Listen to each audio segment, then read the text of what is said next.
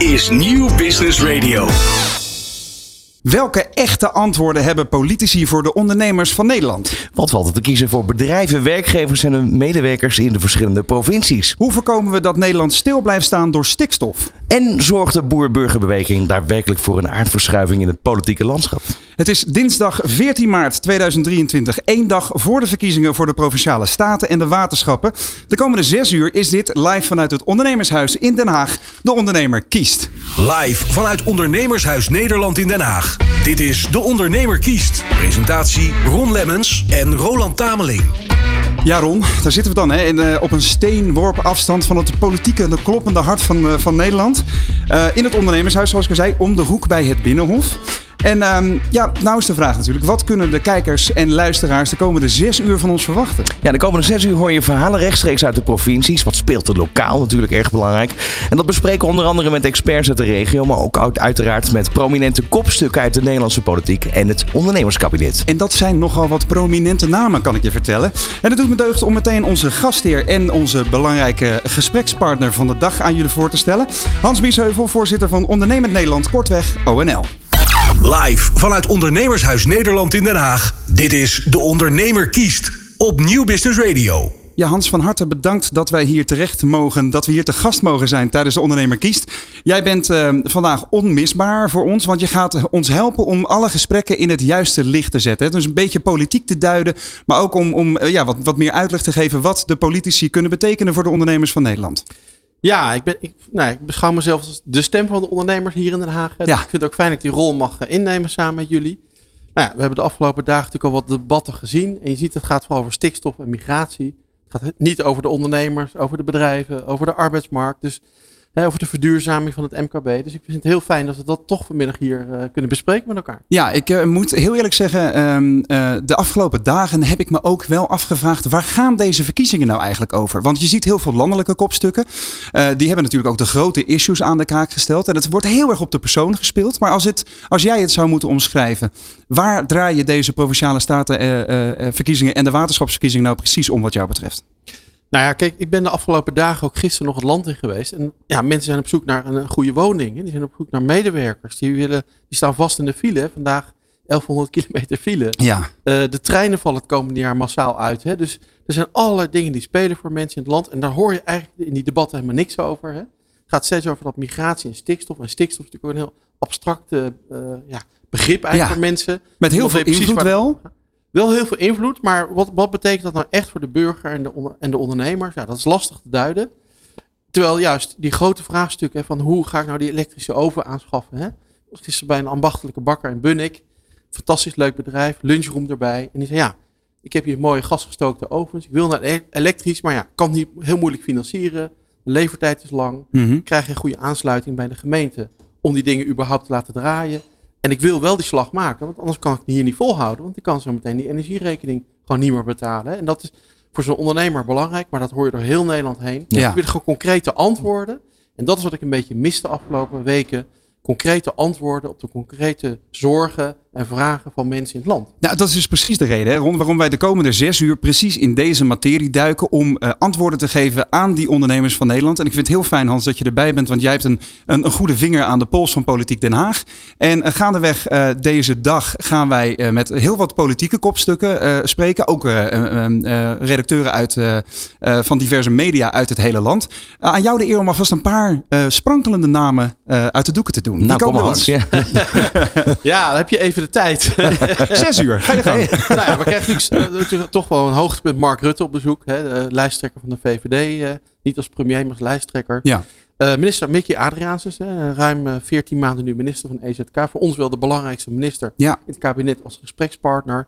Maar ik vind het ook heel leuk dat Elrie Bakker komt van Ja 21. Die lijsttrekker van Ja 21 is in Gelderland. Gelderland, ja. Ilona Lagas. En ik voorspel vast een van de belangrijkste politici hier in Den Haag na morgen. Want die is de lijsttrekker voor de Eerste Kamer van het BBB. Ja. En eh, de Eerste Kamer speelt ook een hele belangrijke rol zo meteen. Ook of dat kabinet het überhaupt nog gaat volhouden. Ja. Nou, de BBB wordt nu op 13 zetels gepeld voor de Eerste Kamer. Dus zij krijgt een belangrijke rol hier in politiek. Dat is misschien nog wel even goed om te duiden voor de mensen Ja. die geen idee hebben waar het nou morgen over gaat. Hè? Want Ja. eh, de, de provinciale statenleden die krijgen straks de, eh, de, het mandaat om de leden van de Eerste Kamer te, be- eh, te benoemen. Hè? Eh, dus, en dat heeft uiteindelijk, zeker voor een kabinet dat geen meerderheid heeft in die Eerste Kamer, heel veel effect op de beleidsmatige kansen in Nederland de komende tijd. Ja, kijk, de huidige coalitie heeft nu al, al zes zetels tekort voor een meerderheid in de Eerste Kamer. Ja. Nou, als je naar de huidige peilingen kijkt, hè, laten we afwachten wat het wordt. Dan zou het wel eens 12 zetels of 13 zetels kunnen zijn tekort. Nou, dan wordt het heel moeilijk regeren, denk ik. Hè, Want Mhm. iedere wet eh, die door het parlement moet, moet door de Tweede Kamer en de Eerste Kamer. En als je geen meerderheid hebt, ja, wordt die wet gewoon geen werkelijkheid. Dus dat zal lastig worden. Je ziet nu al dat de coalitie iedere keer als een wet er doorheen willen halen in de Eerste Kamer. Heel veel geld op tafel moeten leggen om de PvdA GroenLinks mee te krijgen. Ja, te zeggen wielen en dealen daar. Hè? Continu wielen en dealen. Elke wetsvoorstel kost 2, 3 miljard elke, elke keer een extra uitgave. Nou, dat hou je niet vol. Dus ik denk dat daar een grote spanning komt te liggen. Ja. Eh, en ja, ik kan me zomaar eens voorstellen dat als zo'n stikstofwet er doorheen moet. En BBB is de grootste partij in zo'n Eerste Kamer. Dat het heel moeilijk wordt voor het kabinet om dat er nog doorheen te krijgen. Maar voor BBB ook wel, hè, Ja. als het zover komt. Ja. eh, Uiteindelijk ook wel eh, het begin. Want ze, ze beginnen eigenlijk bleu, als het ware. Ze moeten zich wel gaan bewijzen. Nou ja, kijk, ze zullen natuurlijk ook te maken gaan krijgen met spanningen die je bij eh, nieuwe politieke partijen vaker ziet. Die heel snel groeien. Mhm. Hè, de vorige keer was Forum voor Democratie de grote winnaar. Nou, daar is helemaal niets van over. Door allemaal intern gedoe. Dus BBB heeft natuurlijk wel de uitdaging om dat anders en beter te gaan doen. En het zal voor het kabinet dus ook een risico zijn om met hun zaken te gaan doen. Hè? Want ja, met wie ga je dan precies zaken doen? Dat wordt grote spanning de komende weken en maanden. Ja. Maar ik voorspel wel dat Ilona Lagast, die hier zo meteen over een half uurtje te gast is, een hele belangrijke rol erin gaat spelen. Dus het is fantastisch dat ze er is. Ja, we, we, we vroegen net al even aan het begin van, eh, van dit gesprek, eh, stelden we de vraag, kunnen we een aardverschuiving verwachten? Nou ben je natuurlijk geen, eh, geen eh, ehm, eh, politieke, st- hoe heet dat, opiniepeiler zou ik maar zeggen. maar wat verwacht jij? Nou, ik verwacht wel een flinke verschuiving. Kijk, je ziet natuurlijk in de peilingen, BBB wint vooral ten koste van het CDA. Ja. Ik ben heel benieuwd wat het, wat dat met het CDA gaat doen. Hè? Want kijk, hun machtsbasis was natuurlijk in Den Haag al veel minder. Was niet zo heel erg groot meer in de gemeente. Maar vooral in die provinciebesturen lag echt nog in machtsbasis. Nou, Ja. Als je nu naar de peilingen kijkt, worden ze bijna overal weggevaagd. Ja, wat gaat dat doen met die partij intern? Ben ik heel benieuwd naar. Dus dat kan wel eens een keer een, eh, nou ja, een soort kernbom onder, dat, onder die coalitie Ja. worden. Eh, D66 staat ik ook niet heel erg goed in de peilingen ervoor. Hè. Dus wat gaat dat allemaal betekenen? Ja, ja 21 lijkt in de steden vooral heel goed te doen. Dus Mhm. er is nog wat spanning, denk ik, voor veel partijen in het midden.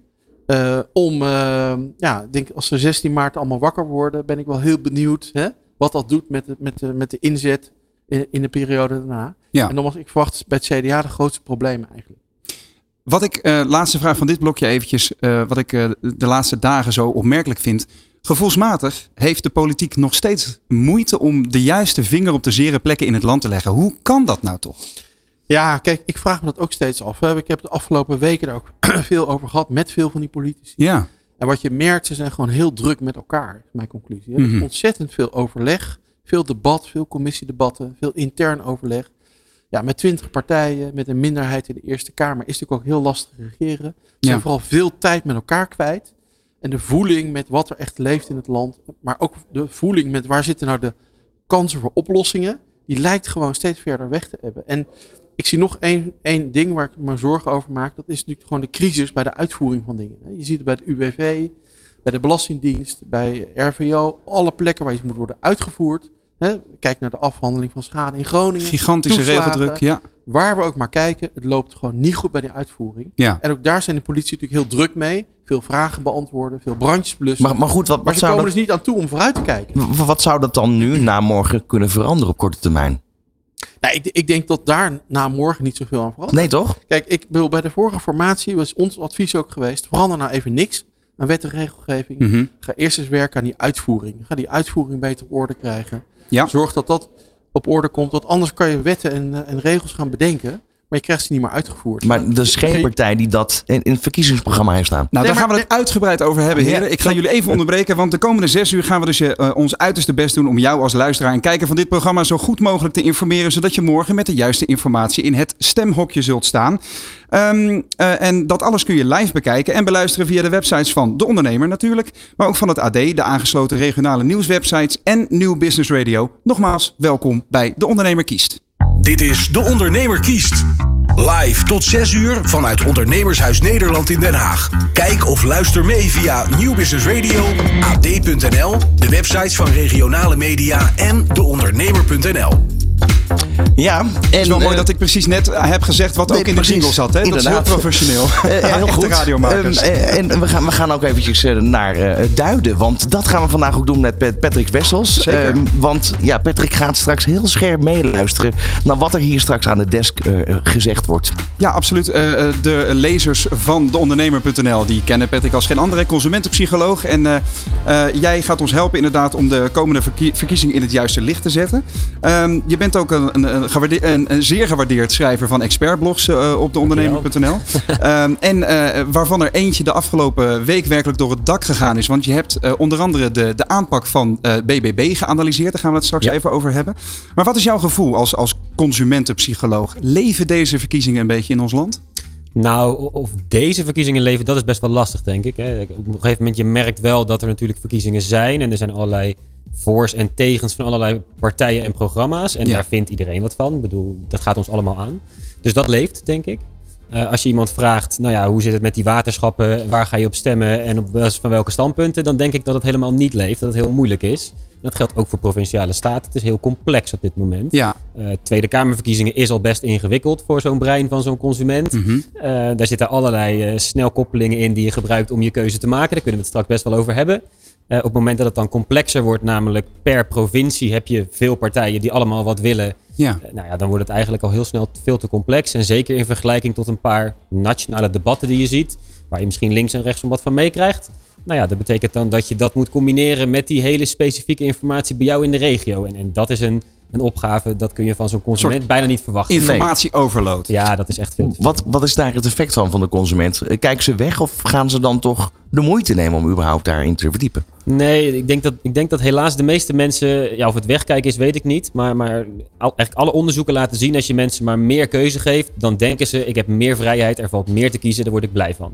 Maar eigenlijk, zodra er zeven stukjes informatie of meer naast elkaar staan, dan zegt dat brein, het bewuste brein, ik heb geen idee wat de beste keuze is. Ja, Nou, en we hebben echt wel meer dan zeven stukjes informatie inmiddels. nogal. Eh, Ja. dus dat betekent concreet dat heel veel mensen denken: ik weet het niet, het is mij te veel. Ja. Eh, ofwel ik haak af, of ik blijf bij een bepaald gevoel wat ik heb. Hè? Want dat bewuste brein en het onbewuste brein, dat is wat anders. Ja. En je kunt onbewust best een gevoel hebben dat een bepaalde partij of een bepaalde lijsttrekker jou op aanspreekt. ja, daar gaan we dus de, de komende... onbewust. Daar gaan we de komende zes uur dus ook op letten dat we een, eh, een constante stroom aan makkelijk behapbare informatie gaan presenteren. Maar er ligt ook een kans voor de, onder, eh, de ondernemer, nee, de, de politici in Nederland, wilde ik zeggen. Ehm, want wij worden als publiek natuurlijk vooral geconfronteerd met de grote politieke kopstukken, de herkenbare Ja. hoofden uit Den Haag. Ehm, eh, waarom wordt dat gedaan, denk jij, door de politieke partijen? En waarom zien wij niet de, de talenten uit de regio, zo gezegd? Nou ja, het zit een beetje dus op dat gevoel bij een bepaalde partij. Hè. Op het moment dat je in de provincie als partij het goed wil doen, dan zou het heel fijn zijn als je een debatavond kunt organiseren. En daar komen mensen dan naartoe. Ja, En die luisteren dan naar alle argumenten. En op basis daarvan, of ze nemen misschien ook het partijprogramma nog een keer door. En dan gaan ze hun keuze maken. Dat zou fantastisch zijn. ja. Maar de meeste mensen hebben daar de tijd niet voor. Hebben daar waarschijnlijk ook helemaal geen zin in. En de kortere weg naar toch jouw partij dan profileren op een manier dat je denkt, dan gaan ze op me stemmen. Is bijvoorbeeld om je lijsttrekker naar voren Ja, te duwen. dus eigenlijk zeggen, werken met de merken die sterk zijn binnen de partij. ja. Hè, want zo zou je het kunnen zien. Je zou ze kunnen Ja. zien als, als merken. Ja, ik heb, uiteraard. ja. Ik heb me Ja. daar ook wel over verbaasd, want er is natuurlijk heel veel kritiek op eh, eh, Mark Rutte geweest. Als lijsttrekker van de VVD is hij dan deze, eh, komt hij vandaag ook langs. Ehm, dat is, eh, eh, hij is natuurlijk ehm, ja, ook een beetje kopje, kop van Jut in alle, eh, alle grote issues die spelen in, in het land. Mhm. Ehm, kan het dan juist niet een enorme kans liggen voor bijvoorbeeld een VVD om juist de regionale kopstukken naar voren te schuiven? Nou, dat is misschien wel zo. Aan de andere kant, kijk, als partij wil je vooral zoveel mogelijk aandacht trekken. Hè? Hoe meer een partij in de media is, hoe beter Ja. het voor je partij is. Je wilt zo bekend mogelijk zijn eigenlijk. Hoe bekender je bent, hoe prettiger het aanvoelt in het brein en hoe positiever ik als consument word. Dat Ja. betekent, als je met, in het geval van de VVD, met Mark Rutte de kans krijgt om veel dingen te vertellen, om daar lang over bezig te zijn, Ja. dan is dat denk ik meer waard dan wanneer je zou zeggen, we gaan die politieke talenten nemen die in de regio misschien wel meer te vertellen hebben. Ja. Die moeten het straks ook gaan uitvoeren. Maar ja, die krijgen niet die kansen die Mark Rutte wel krijgt. Want dan heb je al Dat is toch wel 12, makkelijk. 12 kopstukken. Maar, maar dan die kans, hè? want ik bedoel, afgelopen 13 jaar is hij de premier van Nederland. Ehm, Als je kijkt naar die debatten, daar heeft hij één sterk punt altijd. ten opzichte van, zeg maar, ehm, de andere partijlijsttrekkers. Is die humor die hij erin kan gooien. Is dat, is dat heel belangrijk dat, dat je dat, omdat hij, hij wordt echt continu aangevallen, maar met humor wordt het ook vaak wel weggelachen. Maar net hoe je het interpreteert. ja, maar is dat een heel sterk punt van deze premier? Ja, zijn presentatie is, is heel erg sterk. En, en je kunt het dus inhoudelijk er daarmee oneens zijn bijvoorbeeld. Maar dat neemt niet weg als je kijkt naar de communicatie, naar de manier waarop hij dat doet. Dat is onwijs sterk. Hij staat daar als, zeker nu, de premier van Nederland die een bepaalde verantwoordelijkheid neemt. En dat zegt Ja. hij ook steeds. Ja. Vervolgens straalt hij uit, ik ben degene die het land regeert. En ik wil best luisteren naar wat jullie andere lijsttrekkers allemaal te vertellen hebben. En dan ga ik wel besluiten wat we daarmee gaan doen. Dat is wat hij uitstraalt. Hoe hij staat, hoe hij praat, hoe hij meelacht. Hij is gewoon heel sterk in dit soort debatten. En dat helpt wel mee. Maar in de aanloop naar deze verkiezingen is een andere partij ook heel prominent naar voren gekomen. Jij hebt daar eh, eh, een uitgebreide analyse op losgelaten. De boer-burgerbewe- eh, eh, boer- boer-burgerbeweging, terwijl we op de achtergrond eh, wat, wat hier Ja, van de andere gasten. Eh, Maar jij hebt een heel interessante blog geschreven onder de kop hoe BBB vier keer de wind mee heeft bij de verkiezingen op 15 maart. Met andere woorden, eh, worden ze nou daadwerkelijk zo overweldigend de grootste in misschien wel zes van de twaalf provincies?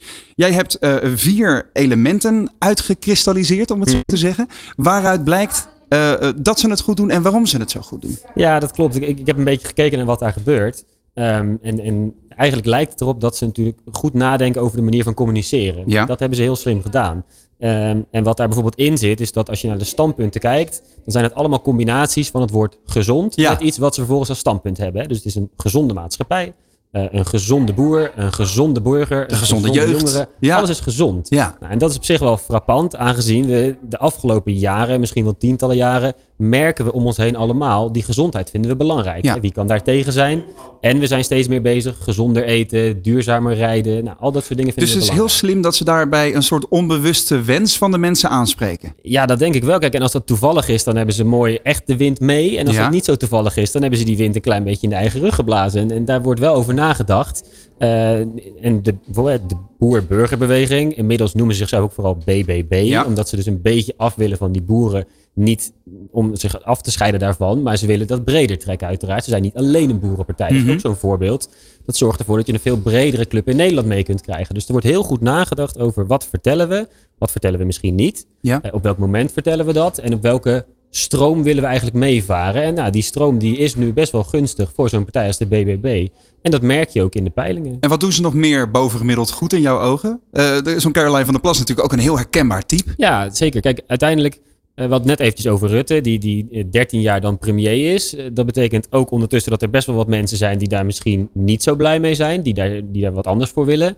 Ehm, dan is het wel prettig dat er een alternatief komt wat ook daadwerkelijk heel anders is. Ja. Op het moment dat je dus niet Mark Rutte wilt, ja, wat wil je dan wel? Nou, in ieder geval iets wat daar niet op lijkt. En je kan van Caroline veel zeggen, maar ze lijkt niet op Mark Rutte. Nee, nee. Dus dat, dat is heel prettig als je iets anders wilt stemmen, een ander geluid. En, en ze kiest dan heel specifiek inderdaad een eenvoudiger geluid, toegankelijk. Hè, wat zij zegt kan in principe iedereen heel makkelijk begrijpen. Ja. Dat zouden alle politici misschien wel willen. Zij krijgt het voor elkaar. Eh, maar daar, eh, eh, opvallend bij de BBB-partij, daar wordt dus ook eigenlijk vaak de lijsttrekker van de Eerste Kamer naar voren geschoven. Ja. Is dat eigenlijk ook omdat zij die kans hebben? Ze beginnen eigenlijk toch praktisch bij nul. Ze weten dat ze aan de goede kant van de medaille op dit moment opereren. Ik bedoel, de peilingen staan er goed voor. Mhm. is, is dat de kans die ze hierbij pakken, denk je? Ja, en ze zijn daar gewoon ook wat stoerder in, denk ik. Ja. Ik denk dat heel veel partijen toch te maken hebben met misschien wel een soort van afspraken die ze intern maken, of misschien wel extern. Eh feit is uiteindelijk dat die partijen te maken hebben met wat allemaal verplicht zou moeten zijn. Eh, terwijl zo'n BBB, die kan een beetje freewheelen in die zin. Die moeten het wiel nog uitvinden voor zichzelf. Die proberen eens wat. Die hebben niet zoveel te verliezen. Ja, dat is best wel een grote kans. En dat benutten Ja. ze fantastisch, denk Ja, ik. heel goed. Je hoort op de achtergrond al het geroezemoes van de rest van de dag. Dus dat is, dat is lekker. Eh, Patrick Wessels, dankjewel alvast even voor deze eerste voorzichtige duiding van wat we nog meer gaan, eh, gaan beleven eh, vandaag. Ehm, je komt later vandaag ook nog op andere momenten terug, ook bij gesprekken aan de grote tafel. Maar we gaan even naar buiten toe, want afgelopen Prinsjesdag introduceerde de ondernemer het enige echte ondernemerskabinet van Nederland. Sinds die tijd hebben onze ministers, zogezegd, onder leiding van gelegenheidspremier Annemarie van Gaal, regelmatig hun visie laten horen om de positie en kansen van ondernemers in, eh, in ons land vooruit te helpen. En uiteraard is ons ondernemerskabinet er vandaag ook bij. Verslaggever Thomas Hendricks staat met de kabinetsleden op het Binnenhof met als eerste gast Gertjan Dekker, minister van Circulariteit. Dankjewel mannen. Hier gaat het ook over de provinciale statenverkiezingen en eh, de waterschap. Ik sta hier met eh, de minister van Circulariteit, Gertjan Dekker, van eh Rattaplan en eh, NS Fietsstallingen trouwens.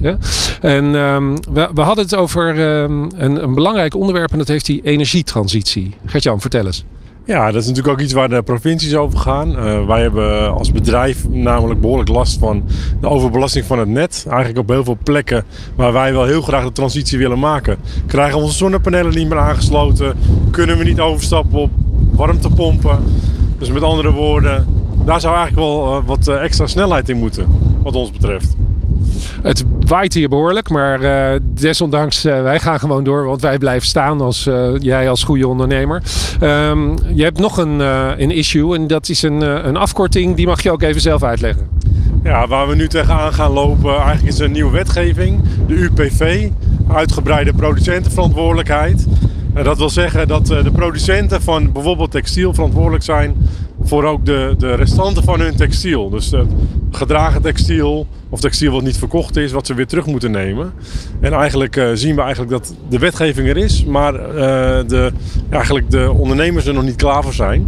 En ja, eigenlijk is de wetgeving dan eerder dan het antwoord van hoe gaan we dat nu doen.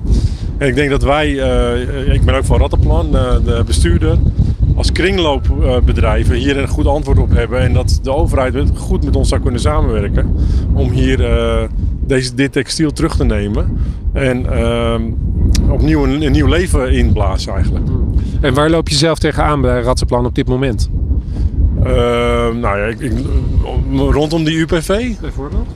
Eh, nou ja, dat we dus de, de, de stem niet eh, gehoord krijgen bij de overheid. Eh, we hebben ook een coöperatie opgericht nu met, met meerdere kringloopbedrijven. De Kringkoop.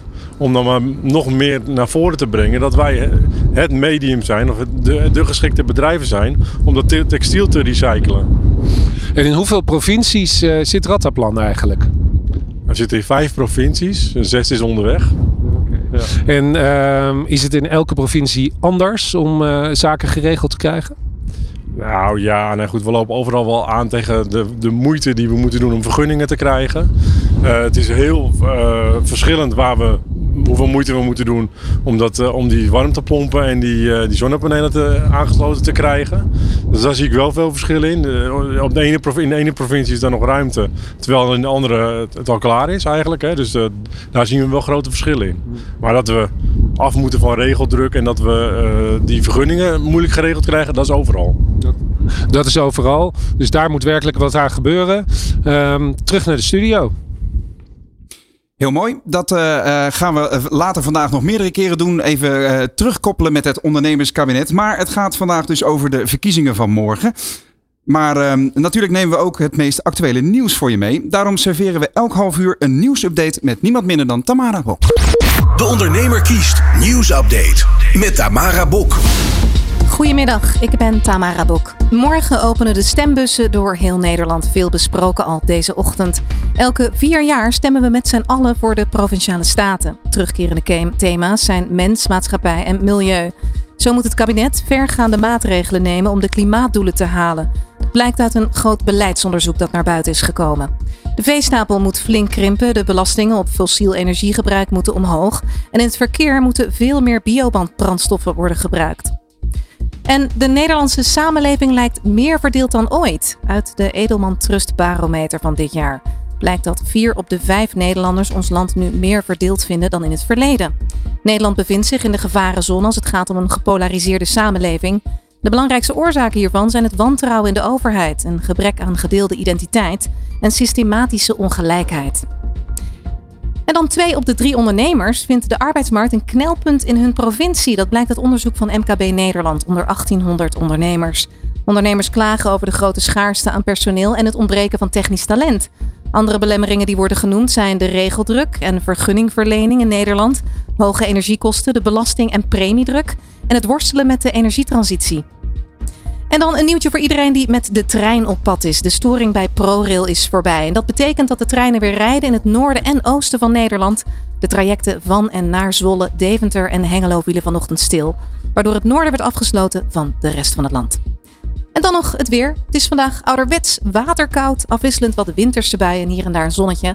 De temperatuur ligt rond de 9 graden. En morgen, de grote verkiezingsdag, dan start het ook winters, of winterig, winterig mag je dat zeggen. Het is in ieder geval winters in de ochtend, maar smiddags klaart het op en schijnt af en toe de zon. Dus Winterig. Ik vind dat we die Winterig. direct ook in Ja. mogen houden. Ja, Ja. ja. Nou, we spreken over een half uur. Heel goed, Dankjewel. tot zo. Van hippe start-up tot ijzersterke multinational. Iedereen praat mee. Dit is New Business Radio. Ja, Dit is De Ondernemer kiest. Live tot 6 uur vanuit Ondernemershuis Nederland in Den Haag. Kijk of luister mee via Nieuw Business Radio, ad.nl, de websites van regionale media en deondernemer.nl.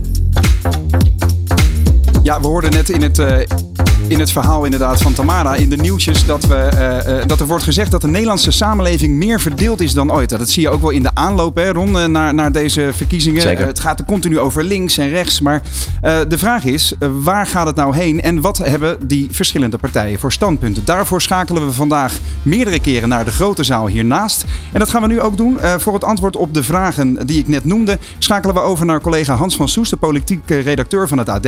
In gesprek met Elrie Bakker, de lijsttrekker van Ja21 in de provincie Gelderland. Ja, mevrouw Bakker. eh, misschien eerst maar heel even, heel veel mensen zullen u niet meteen kennen. Stelt u zich eens voor. Ja, waar zal ik beginnen? Mijn naam is Elrie Bakker, ik ben eh, 61, ehm, ben geboren in een ondernemersgezin. Ik ben zelf ook al 30 jaar zelfstandig ondernemer. Heb even een escape gehad, eh, zes jaar bij de Kamer van Koophandel gewerkt.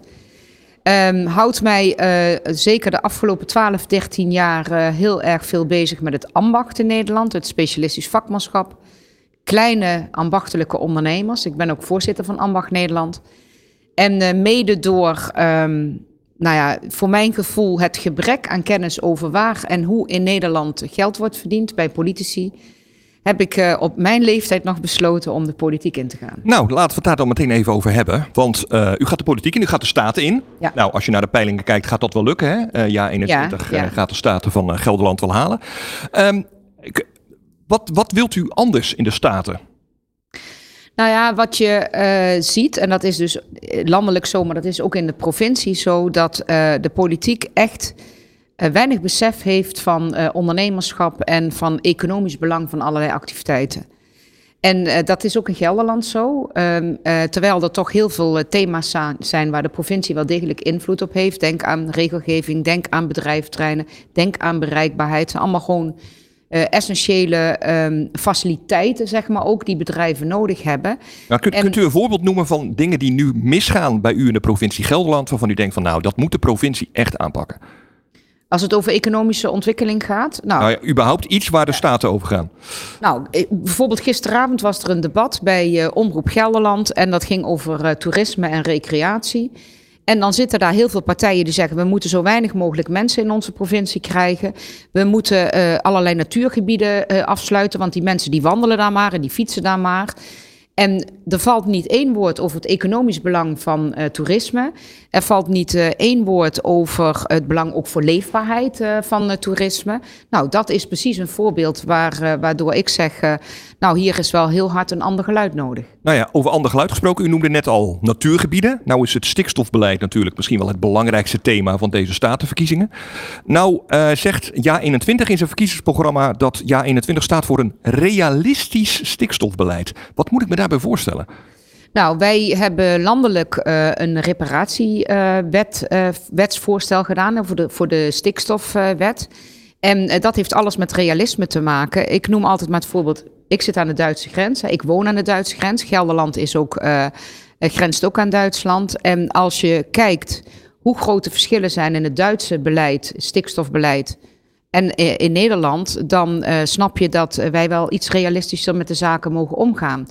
Ik woon een paar honderd meter van de grens en ik maak mee dat mijn, mijn buurman, boer, eh, moet stoppen met zijn bedrijf. En dat een paar honderd meter verder, net over de grens, de boer aan het uitbreiden is. En die liggen allebei even ver van een Natura 2000 gebied af. Maar betekent dat dan dat Ja21 wil dat eh, eh, boeren niet hoeven te wijken voor natuur? Wat moet er, wat bedoel, realistisch eh, stikstofbeleid, je kunt er alle kanten mee op. Wat, Ja, het is, het is, specifieker maken. nou, het is tweeledig. Aan de ene kant is het zo dat wij echt in Nederland de normen moeten aanpassen, omdat die gewoon zo onrealistisch zijn en zo onuitvoerbaar en onmeetbaar zijn, dat je daar echt iets aan moet doen. Daarnaast is het zo dat je natuurlijk ehm, wel met z'n allen moet werken aan natuurherstel, waar dat aan de orde is.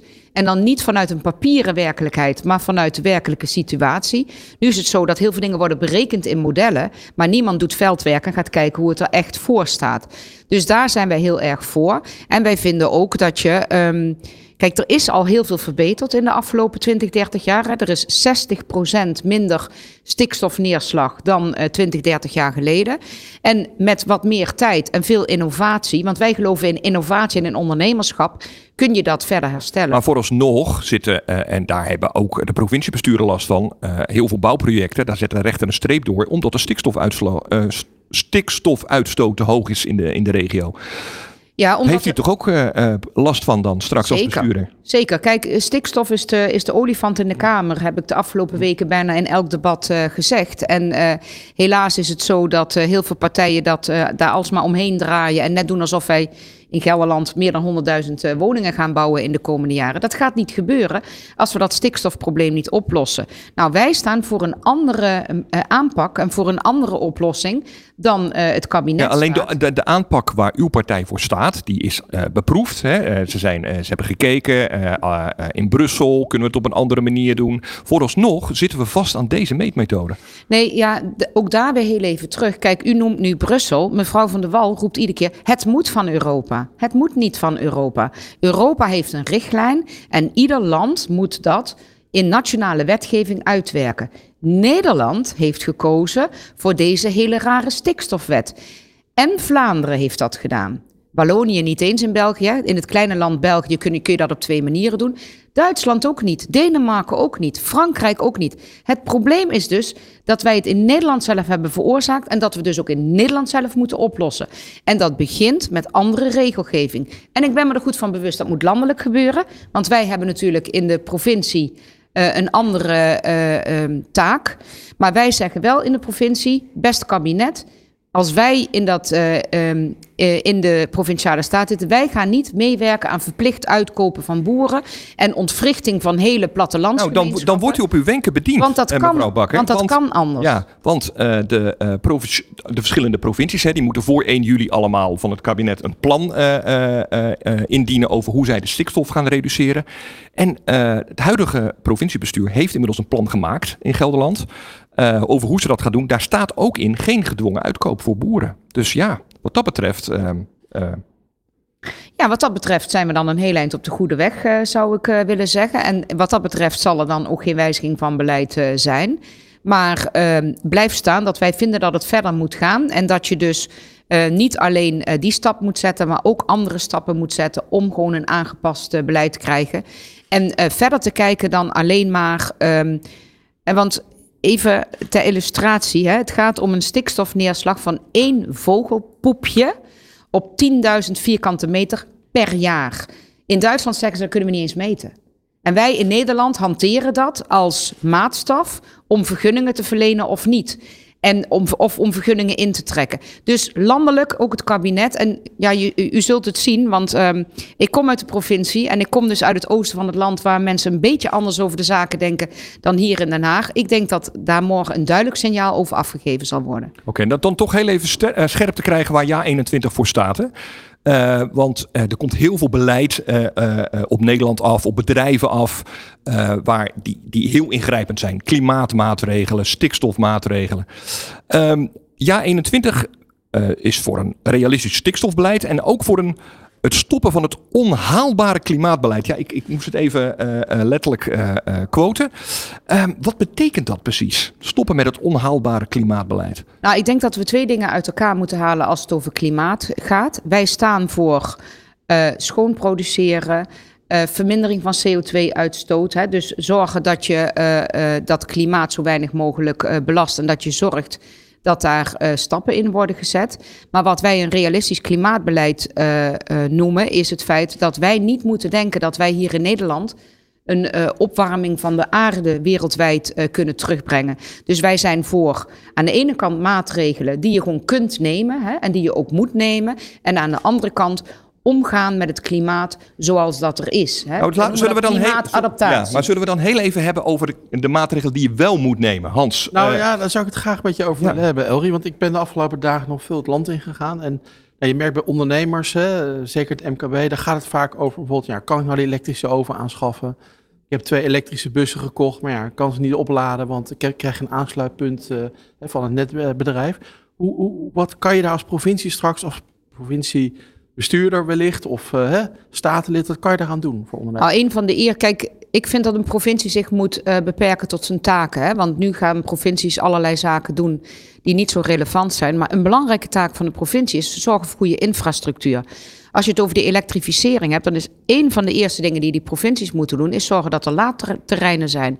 En mijn dochter die is eh, directeur transport bij Albert Heijn voor heel Nederland en België.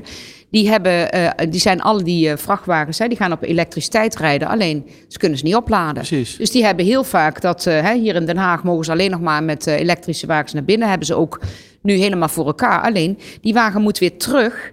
Want ja, waar kan die opladen? Dus die zijn allerlei onnodige kilometers aan het rijden. Nou, dat zijn nou typisch taken waarvan ik zeg, daar staat de provincie duidelijk aan de lat. De provincie moet zorgen dat er goede laadterreinen zijn, dat er ook laadpalen zijn die passen bij die vrachtwagens. Hè, en zorgen dat daar gewoon eh, de voorzieningen, de faciliteiten voor zijn, zodat die bedrijven ook vooruit kunnen. Maar- Geldt natuurlijk ook voor het netwerk hè, wat er is. Want eh, wat je nu ziet, eh, dat het overal op allerlei plekken uitvalt en niet meer gaat omdat het overbelast is. Daar is juist die overheid aan zet. Ja, tegelijkertijd, ja 21 wil dus wel klimaatmaatregelen nemen. Nou is er gisteren nog een rapport uitgekomen van een ambtelijke commissie hè, over wat er allemaal nog nodig is om aan de klimaatdoelstellingen te voldoen in 2030. Dat zijn, zijn een aantal maatregelen waar denk ik heel veel bedrijven eh, eh, best wel tegenop hikken. Dat kost ze heel veel geld. Ja, sorry, ik neem zo'n Ja. ik neem zo'n advies niet eens serieus. Want dit zijn zulke politiek gekleurde eh, adviezen en zulke politiek ingegeven eh, adviezen. Dat is net als dat een provincie Noord-Holland een grote poster ophangt dat je geen vlees mag eten. Is hetzelfde als dat ik in het provinciehuis kom dat ik een, eh, een meelbitterbal krijg omdat we geen vleesbitterbal meer mogen eten. Daar vind ik, en daar staat jaar 21 ook voor, dat bepalen mensen zelf wel. Maar vindt u dan ook, want dit, dit gaat over eh, inderdaad een aantal voorstellen over de burger zelf, maar het merendeel van de eh, voorstellen gaat over bedrijven. Bijvoorbeeld dat bedrijven meer geld moeten gaan betalen voor de CO2 die ze uitstoten, dat ze meer geld moeten betalen voor het gas wat ze gebruiken, bijvoorbeeld de glastruimbouw of fabrieken. Is ja 21 daar tegen? Nee, kijk, nee en ja. Waar wij met elkaar voor moeten zorgen is voor de langere termijn. En dat is een heel moeilijk woord bij de politiek, heb ik geconstateerd de afgelopen tijd. Iedereen wil iedere keer iets vandaag en dan maar weer in de krant en, eh, en op de social media. Waar wij met z'n allen naar moeten kijken is, waar moeten wij over tien jaar staan? En wat moeten we daarvoor doen? Als het gaat over klimaatmaatregelen, zul je wat verder moeten kijken. Als je kijkt naar de hele energietransitie, wij zijn heel erg voor kernenergie. Dan zegt iedereen, oh nee, maar dat duurt zo lang voordat het er is. Je kunt als je wilt. Maar dan zul je ook de politieke wil moeten hebben. Kijk, als ik kijk bij ons in Gelderland, wij kunnen iedere vrije vierkante meter kunnen we een windmolen neerzetten en een eh, zonneparkpanelen neerleggen. En dan hebben we nog niet genoeg. Maar toch, om, toch om het heel even scherp te hebben. Vindt ja 21 dat Nederland in 2000, eh, wat is het, 30, 55% minder CO2 moet uitstoten? Nee, want wij vinden het ook prima als het 2035 is. Waar het ons over gaat, is dat je op een economisch verantwoorde manier die maatregelen treft. Dus iedere keer wordt geframed op het moment dat wij zeggen: je kan dat doen via innovatie, je kan dat doen via een langere weg in plaats van drang en dwang, wat het huidige kabinet eh, als mantra heeft. Als je daar iets meer tijd voor neemt, bereik je hetzelfde doel, maar blijft ook onze economie nog draaien. Blijven bedrijven overeind? Kunnen mensen in ieder geval zich aanpassen aan die nieuwe omstandigheden? Ik denk dat dat het grote verschil is tussen jaar 21 en een aantal partijen die zeggen liberaal te zijn, maar dat niet zijn. Maar dat is, daar heb ik gelijk een vraag over, Elgie. Want ik weet, we kennen elkaar al wat langer. Je hebt een groot hart voor ondernemerschap. Nou, wij hier natuurlijk met ONL ook. Waarom zouden ondernemers nou op jaar 21 moeten stemmen? Wat, wat zijn nou de belangrijkste redenen voor jou om te zeggen, nou, stem op jaar 21? Omdat wij niet zullen tekenen bij het kruisje van D66. Kijk, dat is een helder antwoord. Maar mag er nog een andere vraag over stellen. Want ik ben veel op werkbezoeken. Dat weet je, afgelopen jaar meer dan 200 werkbezoeken afgelegd door het hele land heen. En wat ik merk bij al die brei van maatregelen, ondernemers hebben, missen gewoon het vertrouwen in de politiek op dit moment. Hè?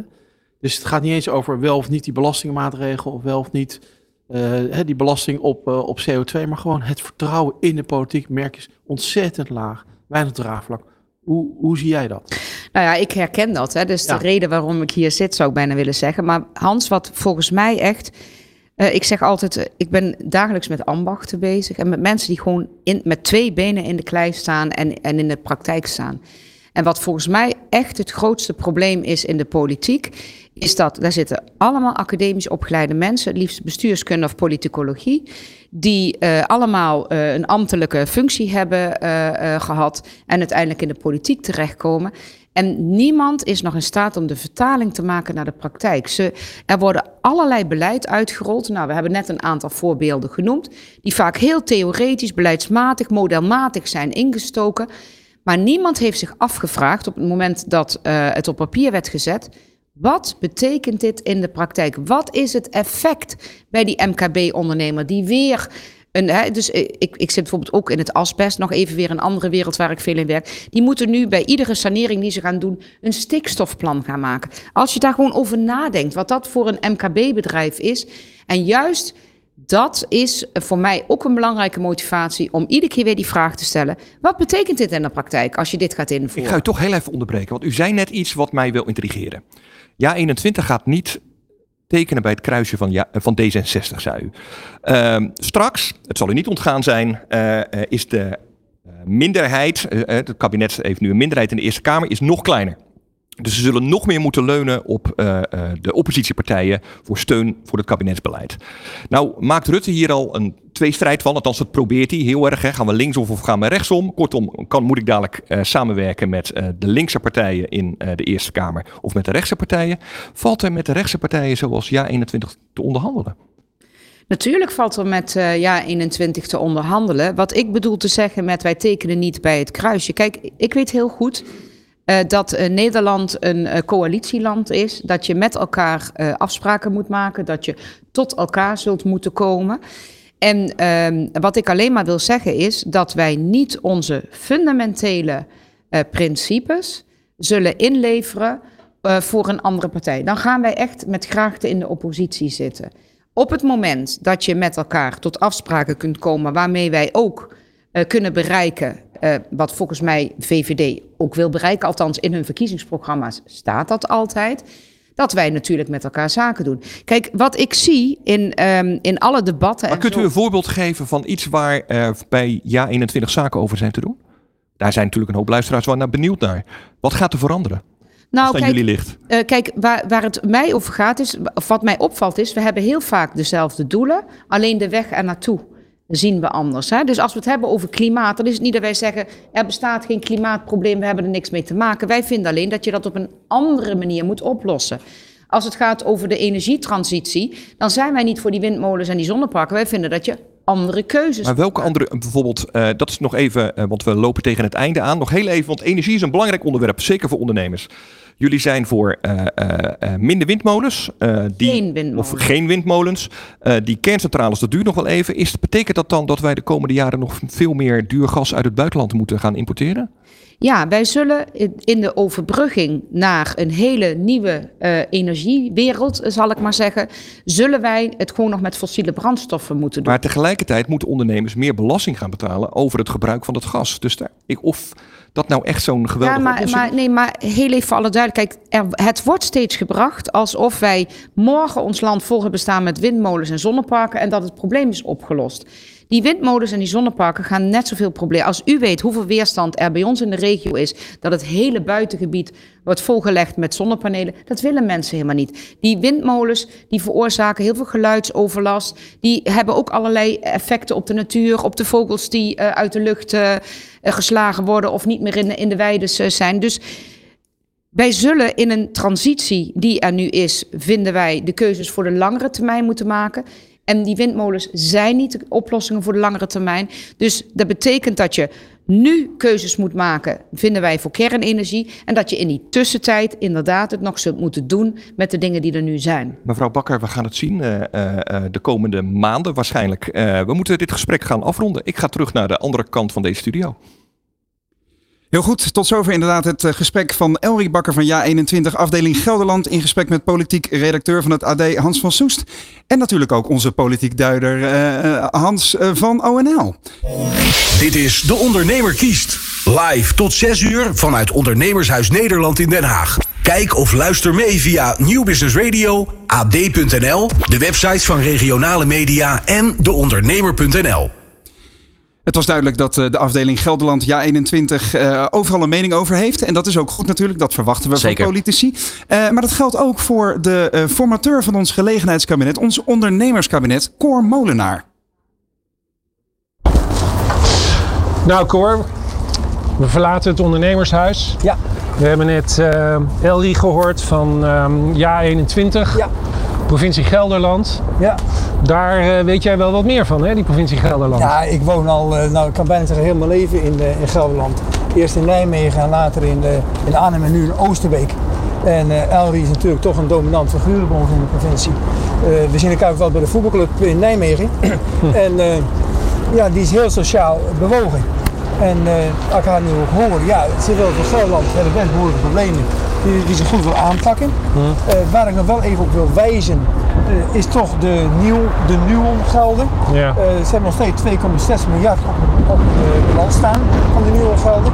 Ik heb al een paar keer via diverse bronnen aangekaart, daar moet je wat mee gaan doen. Ja. Men is heel terughoudend om dat te gaan besteden. Maar nu zitten we precies op een punt van transitie. We hebben toch wel behoorlijke problemen, structurele problemen in Gelderland. Op het terrein natuurlijk van milieu en van natuur en van toerisme, maar ook van werkgelegenheid. En eh, ik wil toch graag ook eh, bij Elri een oproep doen om toch eens te gaan kijken naar die 2,6 miljard. Of daar een deel van te gaan besteden aan die transitiefase die we in Gelderland eh, nu door moeten gaan. Ja, 2,6 miljard, dat is als het ware gevonden geld. Het staat op een spaarrekening. En het is van de inwoners, hè? Kun je nagaan. En het Ja. wordt niet gebruikt. Nee, want eh, kijk, eh, de inwoners waren dan eh, mede-eigenaar van Nuon. En dat moet ook weer besteed worden aan de inwoners. Hebben ze ook toegezegd. Maar ze zijn heel erg zuinig en terughoudend om te gaan besteden. Enerzijds snap ik het, je moet niet gaan uitgeven. Maar nu zitten we dus een herinvesteringen in de provincie, hè, de infrastructuur. Ja, en daar is dat geld gewoon voor bestemd. Ja, nou ja, ja, zonder dat ze dat niet meteen nu al toepassen. Daar had een partij mooie stemmen mee kunnen winnen. Ja, Hey, het, we zijn in Den Haag. We zijn vlakbij het torentje, het binnenhof dat helemaal verbouwd wordt. Het waait behoorlijk in Den Haag. Het wordt als het ware schoongeveegd. Is dat ook nodig? ah, dat is hard nodig. Ja, Hard nodig, ja? Ja, dat is hard nodig. Eh, Op welke gebieden? Laten we het daar eens over hebben. laat ik het eerst eh, mijn grootste irritatie oppakken. Ja. En dat is wat er gebeurt in de Tweede Kamer. Die, die die daar plaatsvinden, die normen die daar worden gehanteerd, die worden door heel veel mensen gekopieerd in de maatschappij. Ja. En ik vind er moet echt iets aan gebeuren. Hoe mensen naar elkaar praten, wat ze, wat ze zeggen, hoe ze elkaar in de reden Nou, vallen. ze, ze praten eh, tegen elkaar en niet met elkaar. Alleen ze om elkaar aan te vallen. En, en ik vind ook het uitsluiten van mensen. Eh, je hoeft geen voorstander te zijn van Forum voor Democratie. Ja. Maar Baudet is toch gekozen door pak een beetje een miljoen mensen. Miljoen Dus mensen. hij heeft het tegen een miljoen mensen. Ja. En dan geeft het echt, echt geen pas Ja. als een minister opstapt en de Kamer uitgaat om ze niet wil horen wat hij te vertellen heeft. Ja, ja. Ik vind die moeten er respect op brengen voor iedereen die gekozen is door een deel van de bevolking om op zijn minst naar te luisteren. En dan kun je het alsnog verwerpen, vind ik allemaal prima. Maar je kunt er naar luisteren. Ik heb het ook meegemaakt eh, met Hugo de Jonge, die terugkeerde als Baudet sprak. Nee, je bent volvertegenwoordiger. Ja. Dus je staat op mensen. Dus je En hebt respect voor elkaar. Ehm, ook al ben je het niet met elkaar eens. Precies. Nou, het tweede wat ik heel belangrijk vind. Het tweede wat ik heel belangrijk vind is dat eh, eh, er heel veel onrust in de maatschappij is. Ja. Eh, dus de beginnenbeleid wordt gewoon niet gesteund door de maatschappij. Ja. Dat hebben we op het ogenblik zien. En ze moeten toch dichter bij de, de burgers komen, dichter bij de bedrijven komen, om toch te verwoorden wat er gebeurt. Wat er nu gebeurt is dat er toch een D66-agenda wordt uitgerold. Met alle respect, die heeft u 15% van de stemmen gekregen. 15%. Ja. Qua peiling zit op 8% van de stemmen. En het kan niet zo zijn dat die 8% de macht uitoefent op 100% van de maatschappij. Ja, ja. Dus ook daar moet wat evenwichtigheid in komen en wat meer transparantie komen. Ja, wat ik vaak merk is dat het zo weinig over ondernemers gaat. Hè, Jij bent adviseur van eh, ons ondernemerskabinet. Valt jou dat niet ook op? Ja, ja dat valt me zeker op. Ja. Kijk, eh, ik stel eens te bedenken, wat heb je echt voor die ondernemers gedaan de laatste jaren? Ja, Niets. niks. Echt niet. Ja, ze hebben de regelgeving hebben ze verhoogd, is verhoogd, belastingen zijn verhoogd. Er zijn ook bepaalde wetsvoorstellen om te gaan verhogen. En wat men wel eens vergeet, eh, Er werken minder dan 1 miljoen mensen in het MKB. En laat het helemaal, helemaal zitten. Ja, het is de grootste werkgever als Ja. je het zo bekijkt. Ja, als je kijkt naar de wortels van ons bestaan, is het MKB. Ja. Want dat is onze sociale omgeving, en dat is onze woonplaats. En de boeren natuurlijk voor ons eten. En die gaat ze nu aanpakken. Ja. Nou ja, je gaat nooit een boom snoeien door de eerst maar- de wortels te gaan kappen. En ik ben bang dat dat nu aan gebeuren is.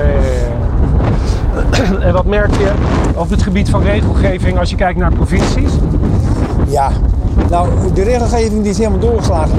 Eh, ze lijken het wel of ze alles centraal willen aansturen. Ja. Zowel landelijk als qua provincie. En eh, er gebeurt niks meer van onderuit. Nee. Terwijl het juist in een democratie is dat je van onderuit eh stemrecht krijgt en ook toch eh, richting kan geven aan de besluitvorming. Nou, dat is helemaal weg nu. En, en dat vind ik onjuist. Eh, er moet toch veel meer participatie komen, of veel meer luisterend oor komen naar wat er leeft in de maatschappij. En nu zien we de politici, die gaan, die gaan dan eh, de, de maatschappij in. Eh, wat ze ook vroeger zeiden, in Jip en Jan gaan uitleggen wat ze aan het doen zijn. En dan denk ik, nee, luisteren wat mensen willen. Dat anderen dan elke keer maar zeggen van dit doen we zus en dit doen we zo. En dan zien we al die uitzendingen, die alleen maar vertellen, dit wil ik, niet luisteren. Ja. En me doordrammen om de ander te overtuigen. Ja. En niet met elkaar praten. Ja. En als je kijkt naar de, ehm, de mogelijkheden en de, de stimulering om te innoveren, dat, daar eh, heb je volgens mij ook wel mening over. Ja, ik vind het, A, het duurt te lang. Ja. En het gauw je een idee hebt, er komen allerlei commissies. Eh, en dan komt er weer niks uit. Het moet allemaal veel sneller en veel doeltreffender eh, komen. Dus ik ben veel voorstander van kleinere projecten. Ik kan je een voorbeeld geven. Ik was eh, begin van deze eeuw eh, voorzitter van de subsidiecommissie Kenniswijk in Eindhoven. Ja. En dan mocht dus iedereen die een idee had, mocht zo dat idee aandragen. En dan kwam ik vaak van de burgers uit. En dan ging ik zeggen, hey, is leuk. Ja. Een klein project. Ga Hoe, beginnen. hoe klein ook. Hoe dat klein maakt ook. niet uit.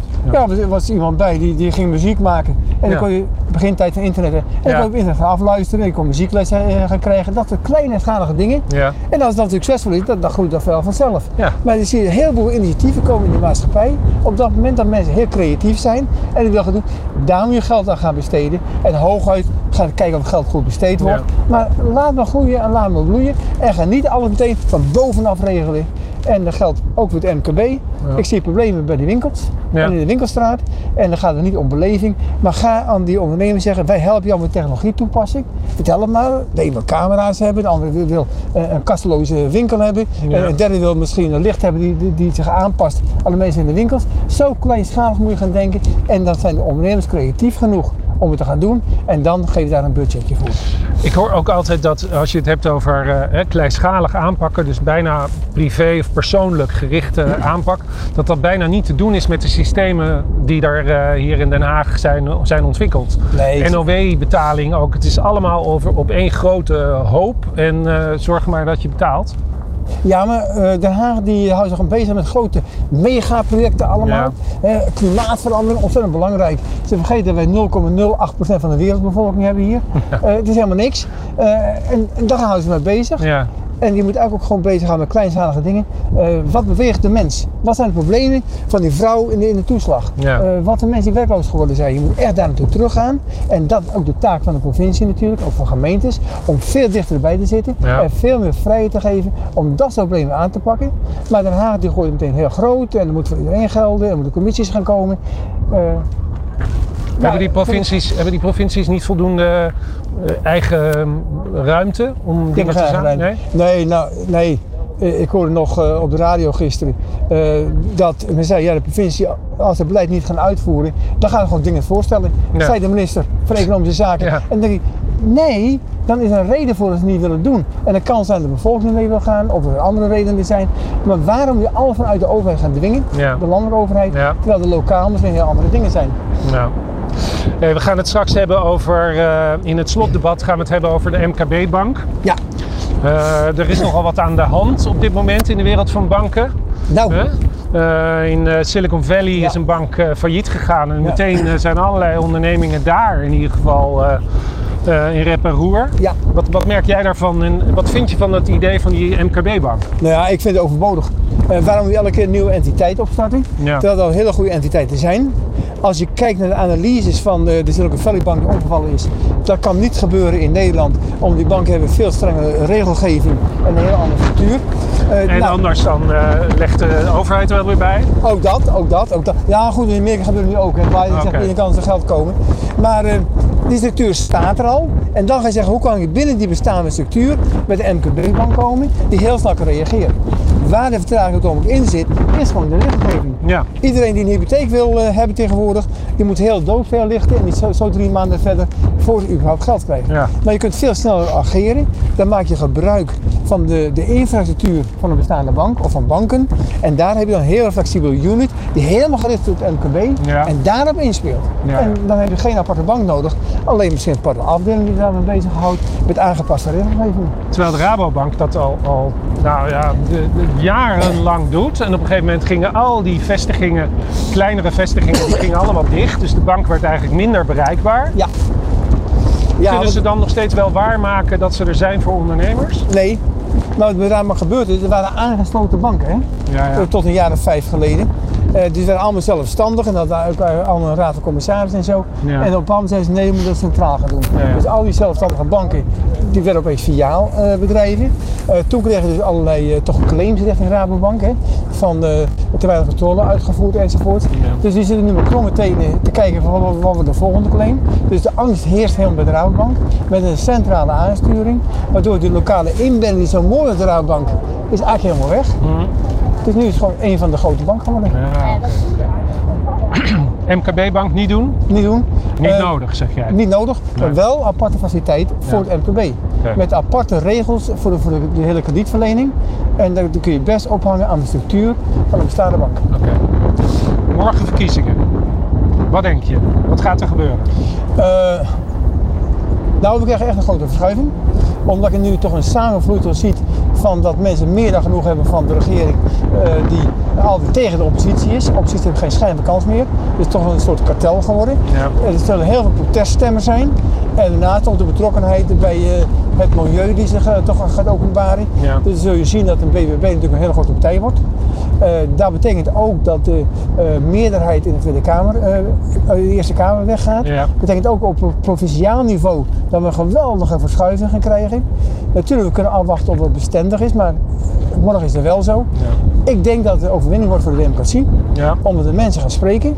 Als eh, in de Eerste Kamer totaal geen meerderheid meer te krijgen is, is dat een voorloper op Tweede Kamerverkiezingen, waarbij er geen regering meer te vormen is met een meerderheid. Nee. En dat betekent dat voor elk besluit moet je dat in de Tweede Kamer nemen, gezamenlijk, of in de Eerste Kamer. En dat is eigenlijk het toppunt van democratie. Dus nu zitten we eigenlijk op een punt dat eh, door wat nu gebeurd is, de democratie opnieuw leven gaat krijgen en eigenlijk opnieuw heruitgevonden gaat worden.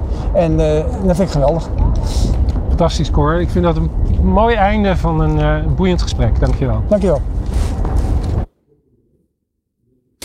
Nog één dag voor de verkiezingen voor de Provinciale Staten en de waterschappen. Tot 6 uur vanavond live vanuit het Ondernemershuis in Den Haag is dit De Ondernemer Kiest. Met straks in het tweede uur onder andere aan tafel Laurens Dassen, Tweede Kamerlid bij Volt.